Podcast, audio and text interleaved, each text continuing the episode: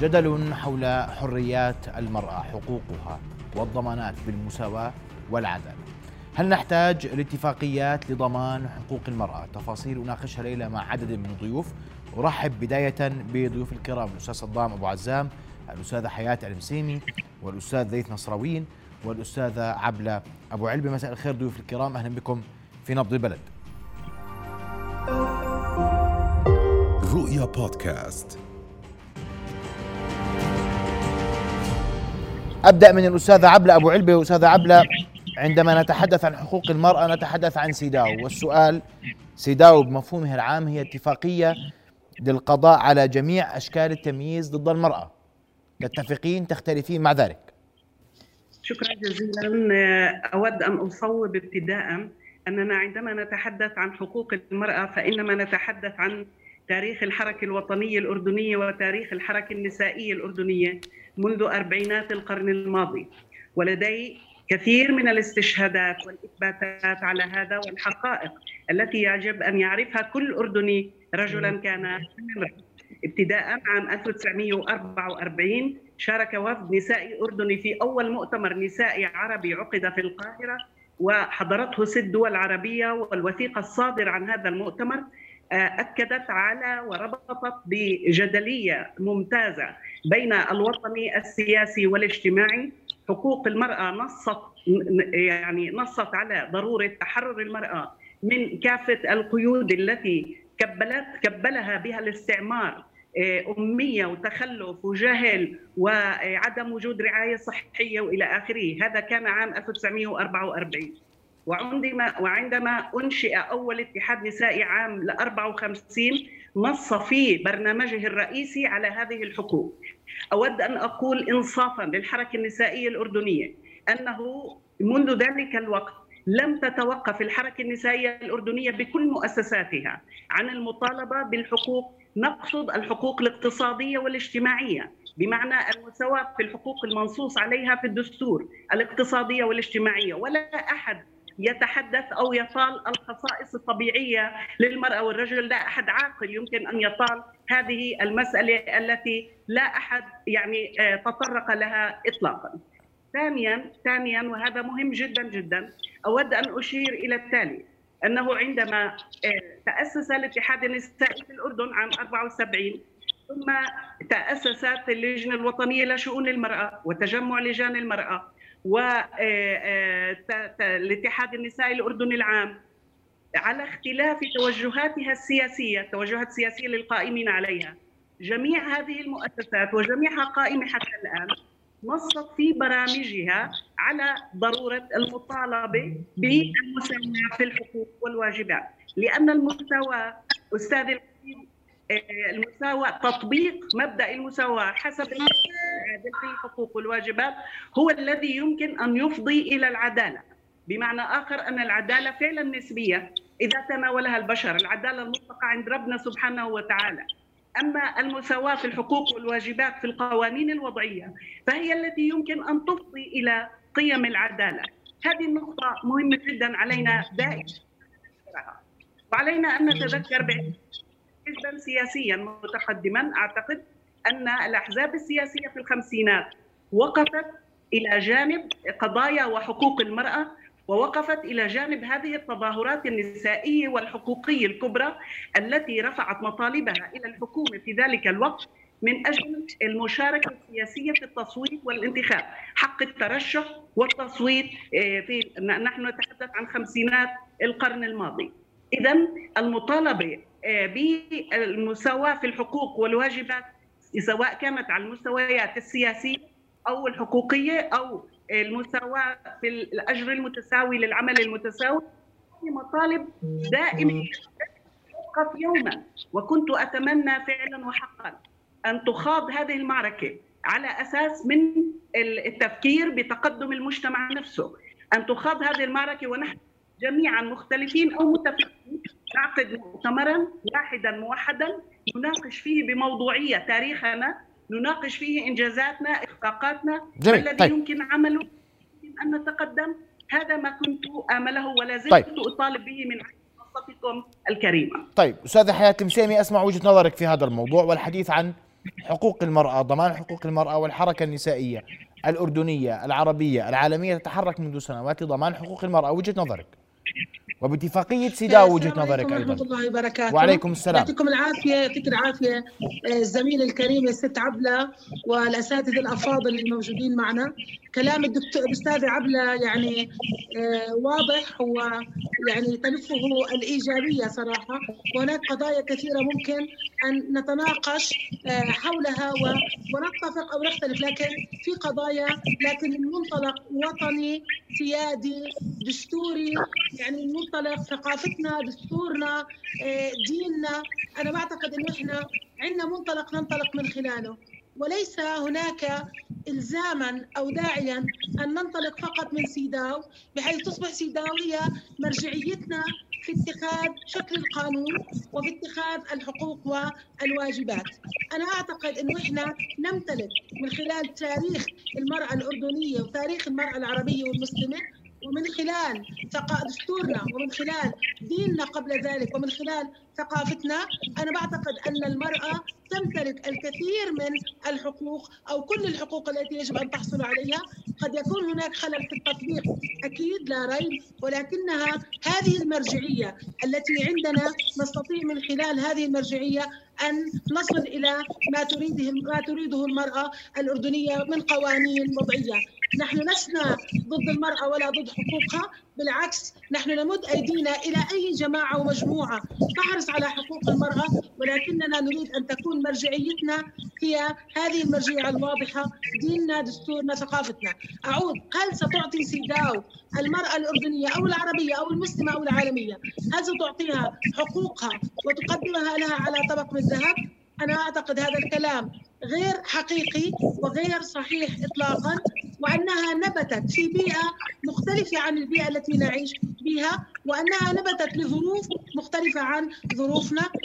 الناظر في بنود اتفاقية سيداو يرى الكثير من النقاط التي نتفق معها الحق في التعليم والحق في المساواة في الأجور وكثير من القضايا والصحة وغيرها. نتفق لا يختلف عليها اثنان. والمشكلة ليست في البنود المشكلة في الفلسفة التي تقوم عليها اتفاقية سيداو. وهذه الفلسفة هي هادمة للمرأة ولأسرتها ولمجتمعها على المدى الطويل وليس قد لا نظر أثرها الآن. طيب أستاذة حياة للأسف الصوت عندك مش واضح. رح أرجع لك عندما يتم يعني آه، آه، يعني يتحسن الصوت وسأتوجه للأستاذ صدام أبو عزام أستاذ صدام أسمع وجهة نظرك. الخلل من عندك أستاذ آه، حياة للتوثيق فقط. سيتواصل معك فريقنا الهندسي لمحاولة حل المشكلة التي لديك. وأنتقل مباشرة أستاذ صدام. أستاذ صدام أسمع وجهة نظرك. سيداو لن تحل أزمة المرأة ولا يجوز أن تكون هي الأساس في البناء على حقوق المرأة. والمرأة حصلت على جزء كبير من حقوقها والمشكلة فقط في التطبيق. رأيك؟ شكرا وأسعد الله مساءكم ومساء جميع المشاركين والمستمعين. في الحقيقة عندما آه، نبدأ بالحديث عن القضايا المتعلقة بالمرأة لابد من الإشارة إلى أن الانتهاكات التي آه، آه، تخص حقوق المرأة هي ليست حكرا على منطقة جغرافية أو دولة. الدراسات العالمية والتشخيص العالمي يشير إلى أن المرأة تعاني من العديد من الانتهاكات في حقوقها السياسية والاقتصادية والاجتماعية في كافة أرجاء المعمورة وبالتالي هذه حقيقة باتت واضحة في كل العالم وبالتالي اتفاقية سيداو أو غيرها من الجهود الدولية ليست موجهة لحضارة ولا لدين ولا لدولة ولا لمنطقة جغرافية في هذا السياق. هي جهد أممي تم من خلاله تشخيص واقع حقوق المرأة الاقتصادية والاجتماعية والثقافية والسياسية وتم اتخاذ قرار دولي من الجمعية العامة بأن المجتمع الدولي بحاجة إلى وضع اتفاقية تضاف إلى الجهود العالمية المبذولة لمناهضة كافة أشكال التمييز ضد المرأة. اتفاقية سيداو ليست الجزء ليست الجهد الأول ولن تكون الجهد الأخير. هي جهود عالمية لمناهضة كافة أشكال التمييز التي يعاني من تعاني منها المرأة وأي فئة من فئات المجتمع سواء لاجئين سواء أطفال سواء غيرها من أي فئة يثبت بأن هناك انتهاكا ممنهج بحق من حقوق بحق من حقوق الإنسان سوف تنهض الأمم المتحدة بأدوارها ومسؤولياتها وفق الميثاق الأساسي للأمم المتحدة في تعزيز وحماية حقوق الإنسان في هذا الإطار.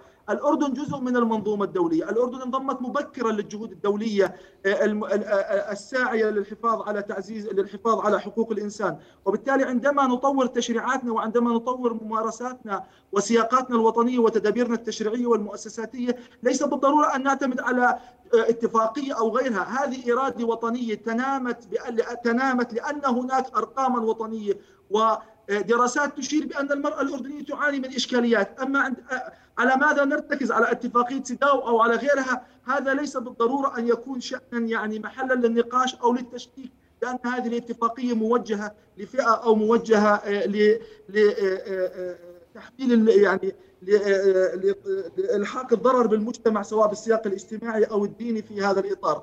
الأردن صدقت على الاتفاقية ونشرتها في الجريدة الرسمية في عام 2007 ورفعت التحفظ عن أحد المواد في عام 2016 أو 2015 وبقي لدينا تحفظين في هذا الإطار، التحفظ المتعلق بالمادة 9 المتعلقة بمنح جنسية المرأة لأبنائها والتحفظ الموجود على المادة 16 المتعلق في الحقوق الزوجية في حقوق الزواج والعلاقات الأسرية، حتى هذه التحفظات الموجودة لا تطير الأردن إن رفعنا التحفظات عليها، فبالتالي مسألة حقوق الإنسان أستاذ محمد والجميع هي مسألة تطور مسألة صيرة وصيرورة للمجتمعات الإنسانية. هي ليست استهداف لكيان المرأة أو لكيان الأسرة أو لكيان أي مجتمع أو للانقضاض على بنية مجتمع أو نظامه السياسي أو إملاءات. وكلنا نعلم بأن القانون الدولي لحقوق الإنسان لا يزال لهذه اللحظة قانون رخو ولحد هذه اللحظة لم تستقيم فكرة المسؤولية الدولية على الدول إن خالفت الاتفاقية أو أبرمتها أو صدقت عليها أو لم تنفذها في هذه الإطار.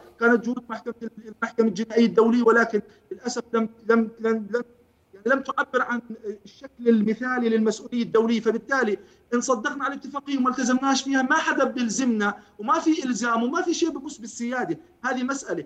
المسألة الأخرى أن الاتفاقيات وفق ما استقر عليه الاجتهاد الوطني من محاكم محكمة التمييز أو المحكمة الدستورية هي أدنى مرتبة من الدستور وبالتالي الدستور كفل الهيكل التنظيمي وكفل بنية الحقوق والواجبات المكفولة في موجب الدستور الأردني في هذا السياق. وبالتالي إذا كانت الاتفاقية تخالف وتمس مبدأ من المبادئ الدستورية أكيد سوف لن لو سوف لن تسري هذه المبادئ الموجودة فيها. وأنا أعتقد جازما على مدار رضح من الزمن في العمل في هذا المجال أن الاتفاقية لا تمس أي مبدأ من المبادئ الدستورية الموجودة في الدستور الأردني. هي جاءت كجهد عالمي لاستكمال النقاشات واستكمال الجهود لمكافحة كافة أشكال التمييز ضد المرأة، والأردن ليست الدولة الوحيدة التي تحفظت وليست الدولة الوحيدة التي صدقت، هناك 189 دولة صدقت على اتفاقية سيداو وغيرها من الجهود في هذا الإطار، فالمسألة باعتقادي حملت اتفاقية سيداو أكثر مما تحتمل طيب. في إطار النقاشات واضح.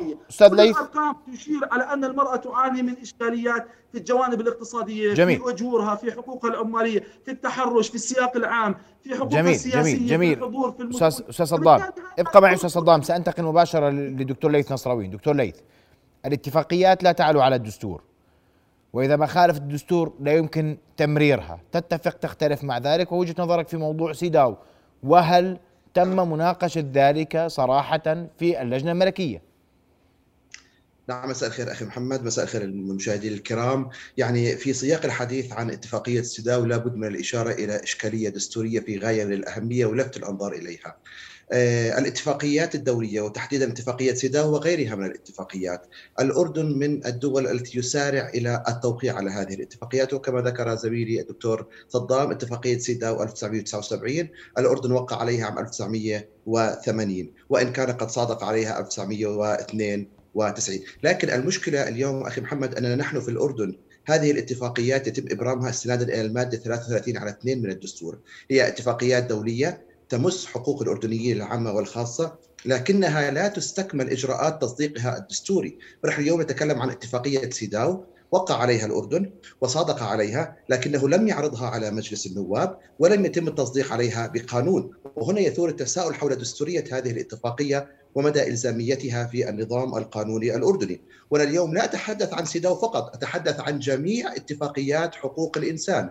وأكاد أجزم أن الأردن يسارع إلى توقيع الاتفاقيات ويصدق ويدخلها حيز النفاذ لكنه لا يعرضها على مجلس النواب ولا تستكمل اتفاقياتها أو إجراءاتها الدستورية. باستثناء اتفاقيتين اثنتين اتفاقية حقوق الطفل خرجت في قانون تصديق عام 2006 اتفاقية الأشخاص ذوي الإعاقة خرجت في قانون تصديق عام 2008 أما باقي الاتفاقيات الدولية فهناك تساؤل كبير جدا حول دستوريتها ومدى إلزاميتها على الصعيد الوطني. على الصعيد الدولي لا يمكن الحديث عن هذا الإجراء لأن اتفاقية فيينا لقانون المعاهدات 1969 في المادة 27 منها لا تجيز للدول الأعضاء أن تتمسك بمخالفة الاتفاقية لإجراءات تصديقها الداخلية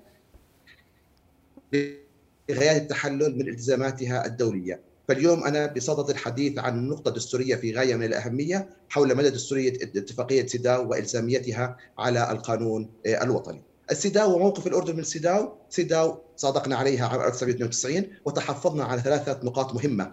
أهمها اتفاقية المادة 9 منها المتعلقة بالمساواة بين الرجل والمرأة في منح الجنسية. وهذه نقطة في غاية من الأهمية. يجب الإشارة إليها مطولا. إضافة كلمة الأردنيات إلى عنوان الفصل الثاني من الدستور الأردني لا يعني بالضرورة أن الأردن متوجه إلى منح الجنسية لأبناء الأردنيات والسبب في ذلك لو أن الأردن يريد أن يقدم على هذه الخطوة وهذا قرار سياسي لكان عليه ابتداء أن يرفع تحفظه على المادة 9 وأن إضافة كلمة الأردنيين الأردنيات عفوا لن تقدم ولن تؤخر في هذا المجال. ومثال آخر أن الأردن تحفظ على المادة 15 من اتفاقية سيداو المتعلقة بحرية المرأة في اختيار المسكن والتنقل والأردن رفع وسحب تحفظه عن هذه المادة في عام 2009 في الوقت الذي لم يكن فيه الدستور الأردني يتناول كلمة الأردنيات.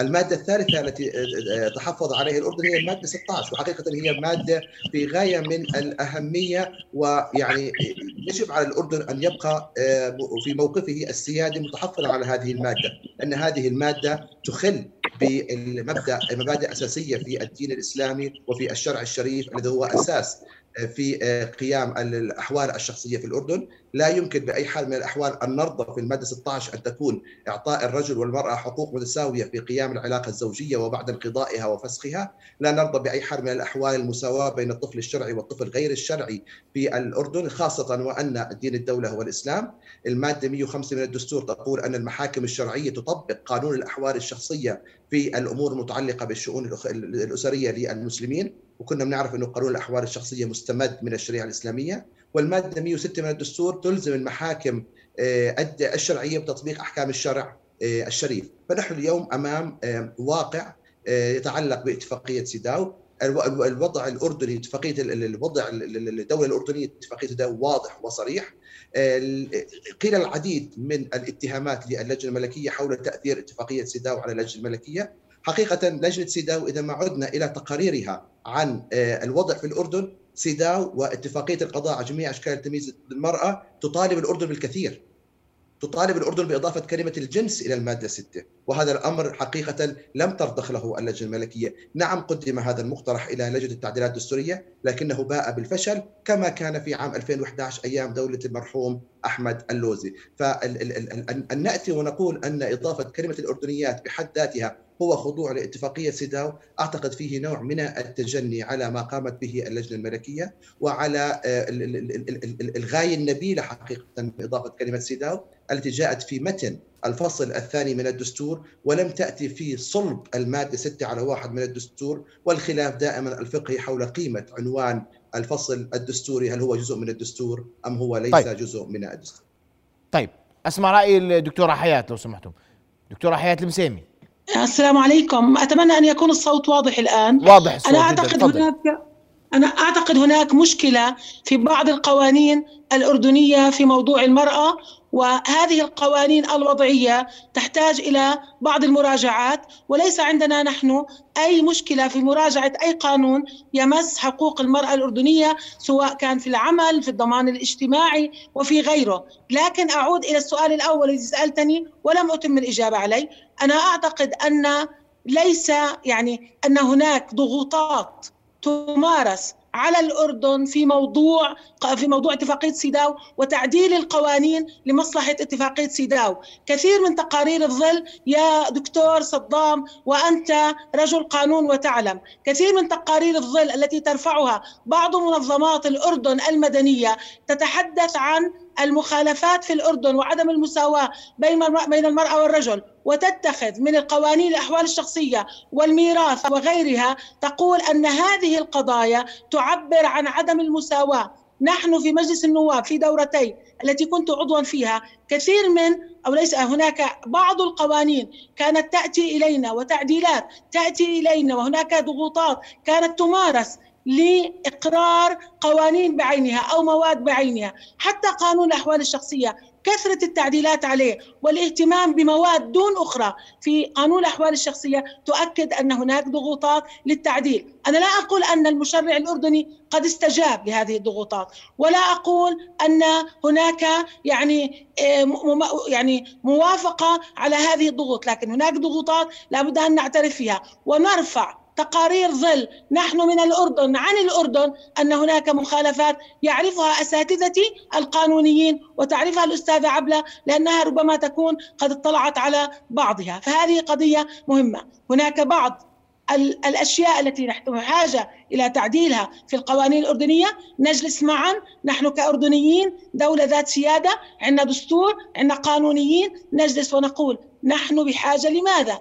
هل نحن بحاجة إلى هذا القانون هذه المادة نعمل معا. ضمن مرجعيتنا وستزيد معاناة المرأة الأردنية كلما سعينا أكثر إلى تطبيق اتفاقية سيداو لأننا سنحول حياتها إلى معركة مع الرجل معركة مع الدين معركة مع التقاليد. سنحول هذا إلى صراع. نحن لا نريد أن تتحول حياتنا الأسرية والاجتماعية إلى صراع ولا نريد أن تتحول الأمومة والزوجية إلى يعني امور يجب أن نتركها لانها تسيء إلى المرأة وتمنعها من أن تصبح قائدة في مواقع صنع القرار. طيب. ما نريده هناك تعديلات نحتاجها في القوانين الوضعية وليس الشرعية لأنه ما أراد رب العالمين هو الخير للناس وكما قال استاذي الدكتور ليث نصراوين أكد عليها لكن في قوانين وضعية نضعها على الطاولة ماذا نريد أن نحقق منها؟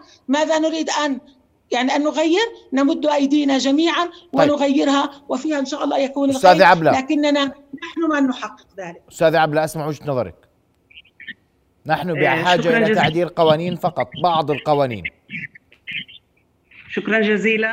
أنا آه، اسمح لي أستاذ أنا واكبت الحركة النسائية كما واكبت الحركة السياسية منذ بداية السبعينات حتى اليوم وأتشرف تماما بذلك. لم أسمع يوما لم أسمع يوما من أي قوى نسائية أفراد أو جماعات أن طالبوا بميراث متساوي أو أنهم شككوا بمحورية دور الأسرة في المجتمع على الإطلاق. لذلك أنا عاتبة جدا على كل الاتهامات التي تطلق على زميلات وصديقات وأخوات. نعرف جيدا أن ليس بالمعنى الفردي وإنما مثل هذه التهم لا يجب أن تكون بديلا للحوار. ومثل هذه التهم يمكن أن تسيء لنا ممكن أن تحدث انقسامات اجتماعية في وقت نحن بأمس الحاجة فيه إلى وحدتنا. لذلك أقول بأنه آه نعم هناك آه تعديلات يمكن جدا أن تحدث ويجب أن تحدث من أجل مصلحة المرأة من أجل المصلحه الاجتماعية العامة. كيف يمكن لنا أن نقف على الحياد؟ ونحن نعرف أن النسبة الأعلى من المتعطلات عن العمل أو غير المنتجات اقتصاديا هن في الأردن أو النساء نسبة النساء العربيات بشكل عام. ألا يدعونا هذا للبحث بشأن التشريع آه، القانوني آه، بشأن الظروف التي تعمل فيها المرأة على سبيل المثال؟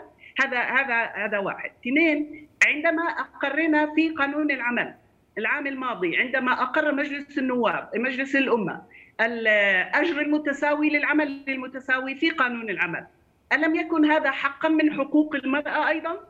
يعني بمعنى آخر نحن في المسائل المتعلقة بالحقوق الاقتصادية والاجتماعية لا نختلف على هذا وعلينا ألا نختلف. وكما آه، تفضل الأستاذ من قبل عندما قال هذه اتفاقية دولية. بمعنى آخر هي ليست لنا وليست لغيرنا. بمعنى آخر هي ليست حكرا على أحد وليست لأحد. يمكن أن نستخدمها مساله اضافه يعني سلاحا اضافيا إذا كان فيها ما هو لنا؟ ويمكن أن لا أن نتركها. أنا مهتمة أكثر بصراحة ومهتمة أساسا بما أنجزته الحركة النسائية والحركة الوطنية الأردنية في تاريخنا طويل وهذا تاريخ مشرف. وأود طيب. أن أقدم إشارة تاريخية أخرى. اسمح لي أستاذ. عام 1975 قدمت المنظمة الدولية يعني آه، هدية ثمينة جدا لنساء العالم وللمرأة العربية بشكل خاص. عندما عقدت أول مؤتمر نسائي دولي في المكسيك وصدر عن هذا المؤتمر الذي حضرته حوالي 30 ألف امرأة على المستويات الرسمية والشعبية من كل دول العالم. والأردن بالضرورة حضر طبعا إلى جانب كل النساء العربيات والوفود طيب. العربية. واتخذ هذا المؤتمر قرارا لاحظ الربط بين السياسي والاجتماعي. اتخذ قرارا بإدانة الصهيونية بصفتها حركة عنصرية معيقة للتقدم والمساواة عند المرأة العربية والمرأة الفلسطينية بشكل خاص لأنها تحت الاحتلال. وأصبح هذا القرار محفوظا في عهدة هيئة الأمم المتحدة والجمعية العامة في السياق السياسي الذي كان في ذلك الوقت. هذا في هذا في ذاك السياق التاريخي هكذا طيب. قدمت أستاذ عبلة أنا يعني الجميع يقدر طبعا دور المرأة وحركة المرأة والحركة النسائية في في الأردن هذا أمر مقدر. بدقيقة آه، أسمع آه، تعقيب منك أستاذ صدام بدقيقة أرجوك. شكرا. إيه، أرجوك أعطيني الوقت إذا ما اسعف الوقت. طيب. بدقيقة سيدي معلش الوقت راح ينتهي. طيب. سريعا. آه، أنا بخالف الدكتور ليث نصراوين بالنسبة للقيمة الدستورية للاتفاقيات الدولية وباعتقادي المحكمة الدستورية حسمت هذه المسألة بأحد قراراتها في عام 2020 عند التصدي للفصل بدستورية اتفاقية الغاز وأشارت صراحة بأن الاتفاقيات أو لا تستطيع الحكومات التحلل من أي من أي التزامات بموجب هذه الاتفاقيات. المسألة الأخرى الاتفاقية نشرت بقرار من مجلس الوزراء كان واضحا من صيغة القرار بأنه أحد إجراءات اصدار الاتفاقيه وفقا للنظام الدستوري الأردني، حتى سحب التحفظ اللي كان على المادة 15 صدر بإرادة ملكية في هذا الإطار، وبالتالي استكمل الإجراءات الدستورية وفق الفقرة الأولى من المادة 33 من الدستور في هذا السياق، هذه مسألة. المسألة الأخرى أنا لحد هذه اللحظة اسمح لا أستوعب فكرة إقحام الدين بالاتفاقيه. يا جماعة الاتفاقية ليس لها علاقة بالدين ولا تحارب الدين ولا تمس الأسرة ولا تمس كيان الأسرة. والمادة 16 لم ترد فيها علاقة الأبناء غير الشرعيين ولم ترد بمسألة أي شيء مساس بحقوق الأسرة. المادة 16 تكونت من ست سبع ست فقرات. بتحكي عن الحق في اختيار الزوج والموافقة الكاملة بتتحدث عن الحقوق الشخصية للزوج والزوجة واختيار اسم الأسرة والمهنة ونوع العمل. تتعلق بحق الزوج بحق الزوجين امتلاك وحيازة الممتلكات الفقره تشير إلى آه، آه، إدراك آه، حقوق الأزواج أنهم يدركوا إنجاب الأطفال من عدم انجابهم وهذا قرار ذاتي لهم تشير إلى أن المسؤوليات بين الأبوين هي مسؤوليات مشتركة بما يحقق مصلحة طيب. الطفل الفضلى نفس الحقوق. وأنا الآن بعرف أن دائرة قاضي القضاه الآن تعمل على تطوير كلاشيه نموذج عقد الزواج. بما يضمن والآن طيب واضح انت أنت أستاذ انت أنت أنت تقول أنه لا داعي للربط. اسمح لي أستاذ صدام الرسالة واضحة لا ربط بين السيداو والشريعة والدين ولا ضرورة للربط بين كلا ولا ولا تحض هذه الاتفاقية. من وجهة نظرك على أي شيء من هذا القبيل؟ دكتور ليث أسمع تعقيب أخير منك تفضل. سيدي أشكرك. بأكد على فكرة أن الاتفاقيات الأردنية الدولية توقع استنادا إلى المادة 33 على 2 من الدستور. أي أي اتفاقية تمس حقوق الأردنية العامة والخاصة يجب أن يصادق عليها مجلس النواب. لكن أنا أود الإشارة إلى نقطة في غاية من الأهمية. نحن اليوم نتكلم عن شبهات قوانين وتشريعات أردنية فيها مساس بمبدأ المساواة وفيها انتهاك لحقوق المرأة في المساواة مع الرجل. أين التوجه إلى المحكمة الدستورية؟ لماذا لا نتوجه إلى المحكمة الدستورية؟ نحن لدينا محكمة دستورية من أكثر من عشر سنوات والتعديلات الدستورية الأخيرة قد سهلت من الوصول إلى المحكمة الدستورية أنا أرى أن أي خلاف بين نشطاء الحقوق الإنسان وحقوق المرأة يجب أن يتم حله بطريقة داخلية من خلال أن نرفع شكوانا إلى المحكمة الدستورية، أن نطعن بعدم دستورية هذه القوانين ومن ثم فليصدر اجتهادات ومبادئ حول من المحكمة الدستورية تتعلق بمفهوم المساواة بين الرجل والمرأة، اليه المساواة بين الرجل والمرأة، حدود ذلك المبدأ وبعد ذلك تكون الدولة الأردنية بجميع أجهازها واجهزتها وسلطاتها ملزمة بأن تقوم بتعديل تشريعاتها على ضوء هذه قرارات المحكمة الدستورية، لنحل مشاكلنا الداخلية من خلال الاستعانة بالمحكمة الدستورية، وإذا كان هناك أي ادعاءات بوجود مخالفة لمبادئ المساواه فيجب على الأشخاص المعنيين أن يتوجهوا للمحكمة الدستورية وهي الفيصل في هذا. واضح دكتور ليث بدي أشكركم ضيوف الكرام بدي أشكركم ضيوف الكرام اللي كانوا معي في هذا المحور. اسمح لي يا أستاذ صدام معلش. الوقت انت وقت انت يعني سنواصل حوارنا مع ضيوف آخرين بعد فاصل قصير ابقوا معنا. نواصل حوارنا حول سيداو وارحب بضيوفي في هذا المحور كل من آه، آه، أصحاب السعادة والمعالي الأستاذ ريم أبو حسان، الاستاذ ميسون دراوشة، الاستاذ أدب السعود والاستاذ نعم العشا مساء الخير ضيوف الكرام. وأبدأ من مساء النور. مع أبدأ منك أستاذ ريم. والسؤال اليوم لا ضغط على اللجنة الملكية في موضوع سيداو ولا ربط بين سيداو والدين. تتفقين؟ تختلفين مع ذلك. آه شكرا آه شكرا على الاستضافة ويسعد مساكم زميلاتي وأيضا آه مشاهدين قناة رؤيا. بداية يعني أنا اولا أستغرب كل الربط اللي صار بين اتفاقية القضاء على أشكال جميع أشكال التمييز ضد المرأة وبين مخرجات اللجنة الملكية، لا سيما وإنه الاتفاقية هي اتفاقية اولا اعتمدت من الأمم المتحدة في عام 1979 ووقع عليها عليها الأردن في 1992 وصادق عليها ونشرها في الجريدة الرسمية بسنة 2007 وكما ذكر زميلي أستاذ صدام ودكتور ليث كان عندنا ثلاث تحفظات تم رفع التحفظ عن واحد من من التحفظات الثلاث وتم الإبقاء على تحفظين. التحفظين اللي بقيوا مادة فقرة 2 مادة 9 المتعلقة بالجنسية و ثلاث أو أربع فقرات من المادة 16 اللي هي عبارة عن مادة تتحدث عن العلاقات داخل الأسرة وماذا يعني التحفظ؟ يعني أن الدولة وهي الأردن التي وقعت وصادقت على هذه الاتفاقية قررت أن تتحفظ على على بعض الفقرات الفرعية من المادة 16 اللي وجد وقتها الأردن أنها لا تتناسب والنظام القانوني في الأردن الذي يحكم العلاقات الأسرية سواء كانت الأحوال الشخصية للمسلمين أو القوانين الكنسية للطوائف المسيحية. وبالتالي أنه أنا بالنسبة للجنة الملكية أولا هذه الاتفاقية هي جزء من منظومة النظام القانوني الأردني. ولكنها لم تكن لم تكن هي المرشد للجنة الملكية والله بما يتم وضعه من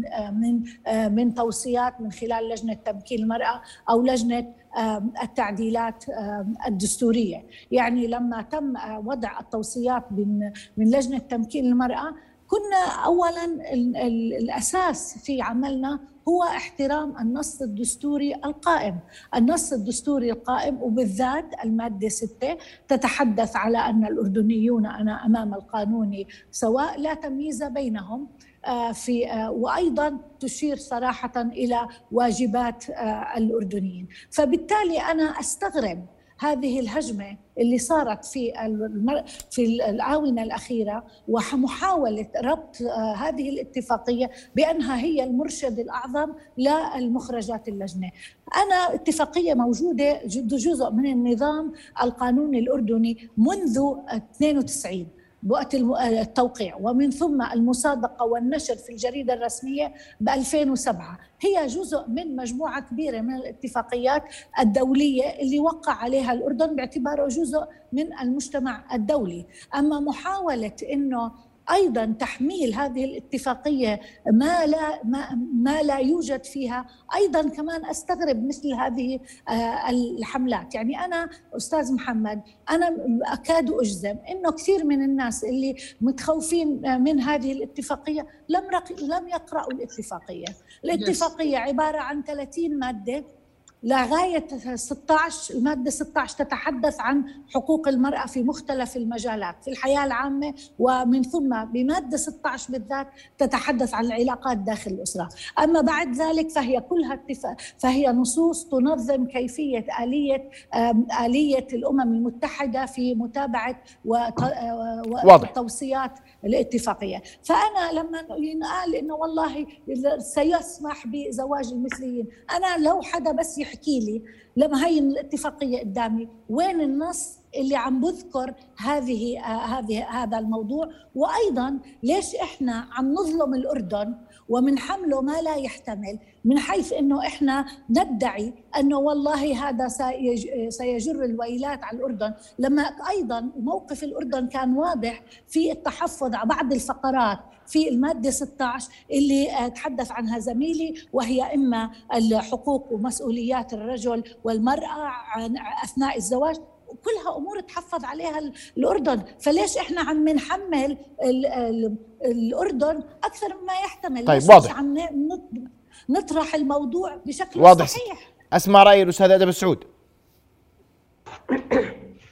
مساء الخير. مساء النور. لك ولجميع المشاهدين. يعني هذا الجدل قديم جديد يعني منذ يمكن أكثر من 30 عام للي متابع.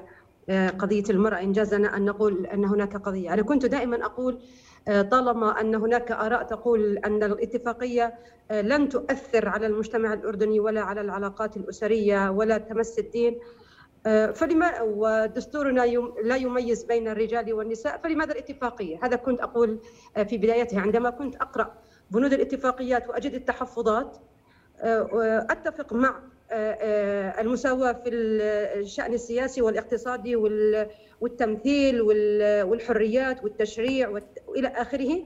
ولكن هناك تحفظات. فإذا كان كل هذا لدينا فكنت دائما أقول هل نحن بحاجة إلى سيدا؟ وهذا ابتداء والنقطة الأخرى هي أنا أعتقد أنه عندنا إشكالية أصلا قبل الإشكاليات الكثيرة اللي طرحت من قبل الأخوات اللي تحدثوا قبلي اللي هي الإشكالية القانونية. أذكر أنه كان هناك نية للحكومة في الدفع بالاتفاقية على شكل مشروع قانون لمجلس النواب الرابع عشر ولكن كان في هناك استمزاج أو جس نبض من خلال طرح قوانين أخرى مثل قانون اللي ما سمي بالخلع تعديل قانون الأحوال الشخصية. وعندما كان هناك ردة فعل سلبية تم الإحجام عن عرض الاتفاقيه على مجلس النواب. وهذا من ناحية قانونية معروف أن جميع الاتفاقيات حتى تكون سارية المفعول يجب أن تمر بالقنوات الدستورية المعروفة. وتم نشر هذه الاتفاقية في فترة حل البرلمان وفي العام 2007 وهذا اللي أثار أصلا الشكوك وجعلها مثار شك طالما أنها لن تؤثر على يعني لن تمس الدين ولن تمس أيضا حتى الأمور السياسية. ونحن هنا علينا أن لا يعني لا نخفي بعض الأشياء معظم التحفظات التي لدينا شرعية وسياسية. وخاصة نحن في الأردن لأن يمكن إحنا وضعنا حساس أكثر فيما يخص الحل النهائي للقضية الفلسطينية وما يخص حق العودة. وبالتحديد المادة تسعة من الاتفاقية التي تتعلق بمنح الجنسية. لأنه في هذا في الفقرة الثانية من هذه المادة أعطت للمرأة الأردنية طبعا المرأة بشكل عام في الاتفاقية وهذا بما أن إحنا مصادقين عليها فهذا يعني علينا أن نضعها حيز التنفيذ أنه حق الاحتفاظ بجنسيتها وجنسية أطفالها بعد الزواج من أجنبي. إحنا التخوف عندنا تخوف سياسي كمان. يعني عندنا بعد آخر سياسي الكل يمكن بحوم حواليه ولا يدخل في هذا الصلب. إحنا عندنا حق العودة عندنا طروحات اللي بنعرفها الوطن البديل صفقة القرن إلى آخره. ومن هنا جاء هذا التخوف. طبعا الإصرار على كلمة الأردنيات يعني بجوز ربما في هناك الضغط الشديد على إضافة هذه الكلمة أثار أيضا توجسا خاصة وأنه في اللغة معروف أن كلمة الأردنيين تشمل الجميع.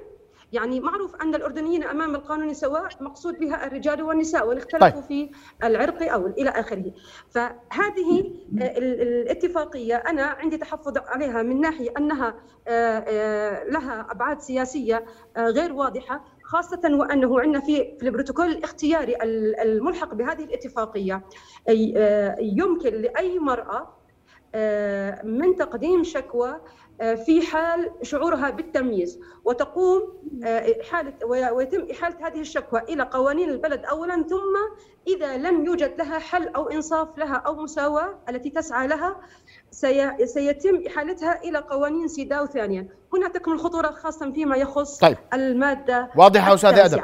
أستاذ إنعام أسمع وجهة نظرك بالحوار الذي يدور والنقاش الذي يدور حول سيداو وحقوق المرأة وهل قوانيننا ودستورنا وأنظمتنا تحقق للمرأة ما تريد اليوم. مساء الخير أستاذ محمد. شكرا لجميع المتداخلين. هلا اتفاقية السيداو أستاذ محمد هي من 79 والأردن صادق عليها بعتقد بال 90 يعني أنا كمواطن وكمستمع للحوار والحوارات اللي عم بتدور بالبلد كل هاي السنوات ما كانتش كافية على مدار أكثر من دورة برلمانية. ما كانتش كافية لقراءة الاتفاقية ووضع ملاحظاتهم عليها. وإثارة هذا الجدل سابقا، ليش هلا لما تم إضافة كلمة الاردنيات تم إثارة هذا اللغط مباشرة رحنا على شماعة السيداو وحطينا عليها كل هاي التعليقات. آه، في البداية الأستاذة عبلة حكت إحنا بنتحدث عن تعديلات على القوانين الوضعية وليس على النصوص الشرعية. النصوص الشرعية ولا حدا بتجرأ أنه يدخل عليها أي تعديل لأنه هاي نصوص ربانية لا يمكن الاقتراب منها. وبالتالي هاي التخوفات على قانون الأحوال الشخصية اللي تم عليه أكثر من تعديل بعتقد أنها تخوفات في غير مكانها. هذا واحد. أيضا النصوص القرآنية أنا لما بقرأ القرآن في المؤمنين والمؤمنات العابدون والعابدات الصابرون والصابرات وموجود في كل النصوص القرآنية.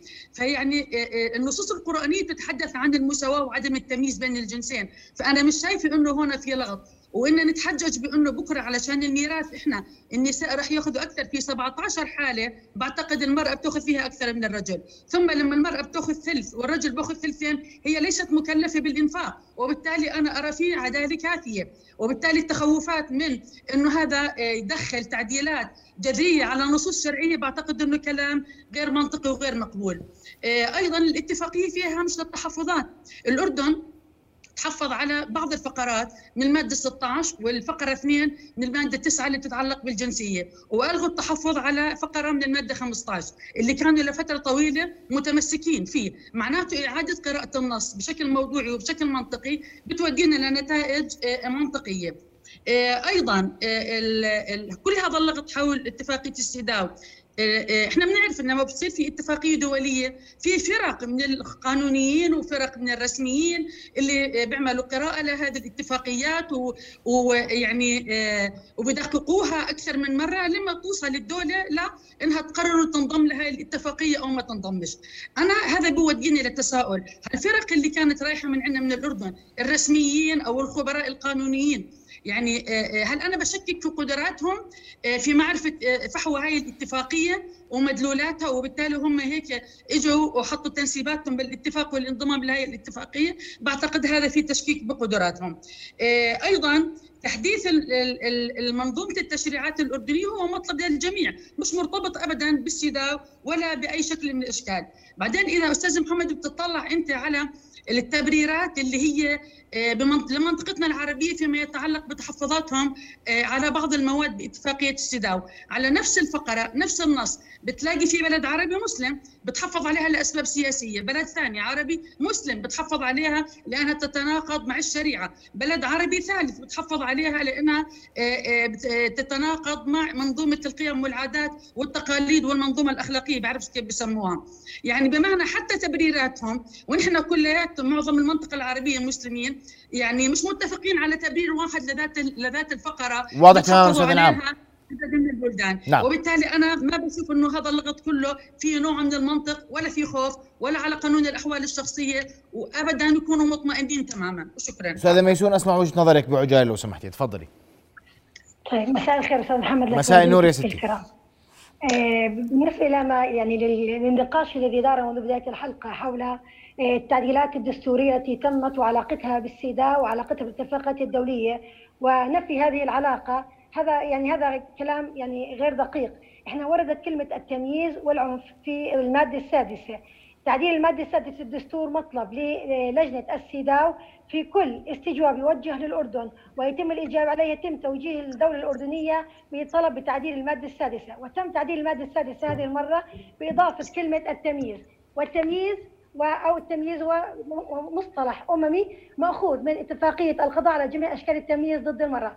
التمييز كما عرفت الأمم المتحدة هو أي تفرقة أو استبعاد أو تقييد يتم على أساس الجنس ويكون له آثار على أغراض على آثار الاعتراف بالمرأة على أساس تساوي الرجل والمرأة بحقوق الإنسان والحريات الأساسية في الميادين السياسية والاقتصادية والاجتماعية والثقافية والمدنية في أي ميدان آخر أو إبطال الاعتراف للمرأة بهذه الحقوق أو تمتع بها وممارستها بغض النظر عن حالتها الزواجية. وفي 92 أضافوا على هذا التعريف العنف المبني على الجندر كنوع من أنواع التفرقة بين المرأة والرجل. بما معنى؟